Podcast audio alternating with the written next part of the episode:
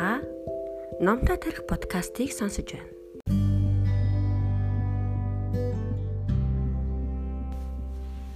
Сургамжит өгүүлбүүдээс ангал нэг хүн ууланд явж байгаад тосгондоо буцаж очиж чадлагүй төөрчээ. Нар шингэж уулыг харанхуй нөмрөв. Ууланд хоноход зэрлэг араатан ихтэй аюултай учраас зам хэдийгээр нарийн бэрх байсан ч тэрээр уулнаас гарах замыг олохыг хичээн аажмаар цааш явсаар байв. Гэтэл түүний хөл гинт халтарч унахтаа аз болж хоёр гараараа хаднаас чанга зуран тогтлоо. Түүний дор тас харанхуй гүн ангал харагдаж байв. Шөнө нь их хүүтэрч хүүтрэх тусам гар нь бэрчглэв. Шүн дундын үед түүний хоёр гар нь хөшөж, шөрөмсөн татаж, цөхрлөө бараад барьж байсан хадаа алдаж доош унлаа. Гэтэл уг явдал хормхон зур хачин гайхалтай зүйл болж хувирв. Цөхрлөө барсан тэр хүн өөрийнх нь гар хаднаас гусаж байсныг л бүр түр санаж байлаа. Гэтэл түүний гар хаднаас салсан тэр мөчөд нөгөө хүн газар дээр зогсож байжээ. Харанхуу байсан учраас тэр хүн доорх газраа хараагүй юм. Олон цагаар түүний дими хоосон дүүжлэгдэж байсан тэр хаднаас газар хүртэл ердөөл 20 см байжээ.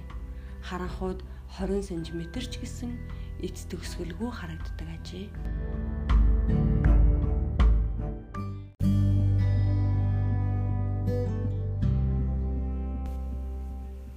Нэг сурагч багштай хачингой дунгийн хисааб илэглэж гин.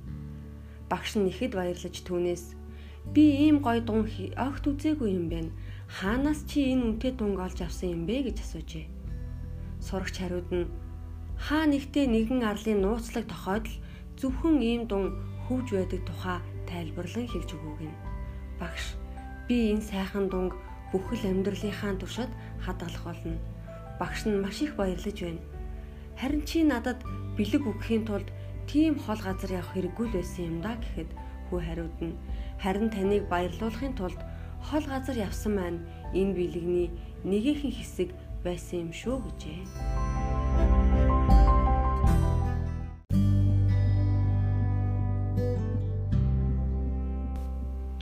Эрт цагт нэгэн зөрүүд хүн байж гинэ.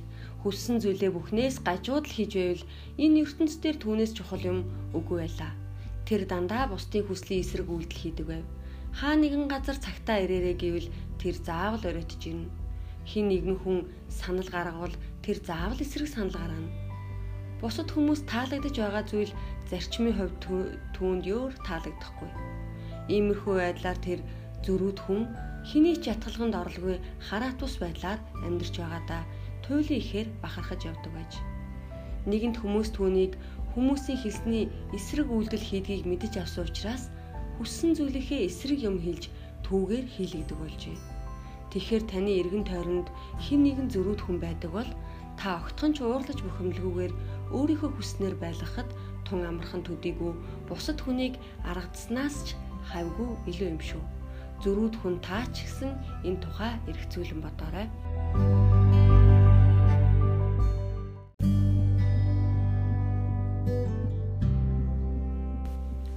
Түүнийгээ миний амьдралд ирэхээс өмнө би яаж амьдарч байснаа санахаар одоо хар дарсан зүг шиг санагддаг утга учиргүй архиталт шоу цэнгийн аар саархнаар өөрийгөө хурч амьдрал дунд ёстой л жингүүдэж явжтэй.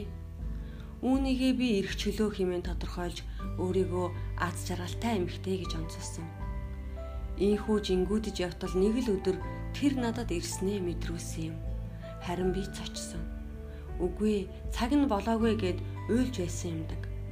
Энэ зовлонгоос салгаад өгөөч гэд эмчийн гараас чарлан зурж байсан санагдана бүх зүйл оройтжээ гэж эмчиг хэлэхэд ингээд аз жаргалтай амьдралын минь төгсгөл ирлээ гэж гиншиж үлээ. Энэ бол том эндүрэл гэдгийг хожимоо бив харсан юм. Урдын амьдрал оронгороо иргсэн. Ерөөсөө амьдралд хүрэлцдэггүй байсан цалин минь харин ч хүртээмжтэй болж орой тараад хаачаа мэдэхгүй гівэрх биш хурдхан л харахаар ярддаг болсон. Хин нэг нь намайг хүлээж байгаа гэж бодохоор хамгийн жаргалттай санагддаг болж үлээ ганцхан хар амаа бодгоо болж айлын тавгнаас чихэр авсан ч амтны нүд хариулж байгаад халаасалдаг болсон.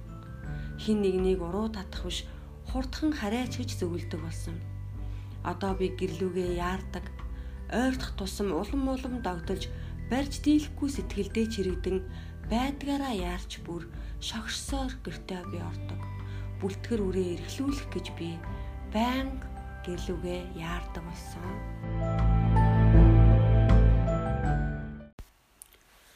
Сөрөг зүйлдч эерэг байгаарэ. Шүнжин хөрхөрдөг нөхөртөө талрах. Учир нь тэр хааны газар хин нэгэн бүсгүйтэй биш харин тантай л хамт унтаж байна шүү дээ. Аяг угаахгүй гэж гомдлож байгаа охиндоо талрах. Учир нь охин чинь гудамжаар тинээгүү харин гэртээ байна. Татвар төлөхдөө талрах. Учир нь та мөнгөтэй байна хувцс чинь багтахгүй байвал өөртөө баярл. Учир нь гэвэл та идэх хоолтой байна. Угаа цэвэрлэх ёстой гэртээ байгаадаа баярл. Хажуу айлынхаа чимээг тэсвэрлэж байгаадаа талрах. Учир нь та сайн сонсголтой байна. Өдөржин ажиллаад ядарсан биендээ талрах. Учир нь та шаргуу хөдөлмөрлөх чадвартай байна. Өглөө эрт дуурах цагны сэрүүлэгт талрах. Учир нь та энэ өглөө амьд сэрж байна шүү дээ. Эцэст нь та сөрөг бүхнээс эерэг зүйлийг олж харж чадвал амьдрал чинь гэрэл гэгээгээр дүүрэн байх болно гэдгийг санаарай.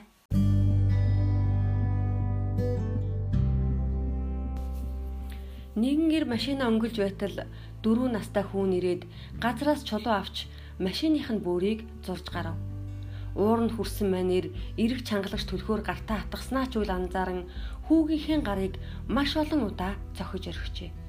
Имлэгт аваачхад олон удаагийн хугаралтаас болж хүү хуруунуудаа алтааруулсан байлаа. Хүү аавыгаа өвдөл дүүрэн нүдээр хараад "Аава, миний хуруунууд буцаж ургах болов уу?" гэж асуув. Аав нь маш их гэмшиж юу ч дуугарч чадсангүй. Тэр машин руугаа очиод хий димэл машин авшиглав Хийсэн үйлдэлдээ харуулсан аав машиныхаа дэргэд суугаад хүүгийнхээ гаргасан зураасыг хартал аавда хайртай гэж бичсэн байжээ. Сайхэр дараагийн өдөр нь амиа хорлсон юм. Уур болон хайранд хязгаар байхгүй. Аль болох сэтгэл өвдгөхгүй гигэн сайхан амьдрал руу гიშгэх гişхүүрийг нь сонгож байгаарай. Эд юмс идлүүлэх гэж хүмүүс хайрлуулах гэж хорвоод ирдэг. Гэтэл өнөөгийн хөрөнгөтний нийгэмд хүмүүс ашиглагдаж харин эд юмс хайрлуулагддаг болжээ. Та Номтой тарих подкастыг сонсож байна.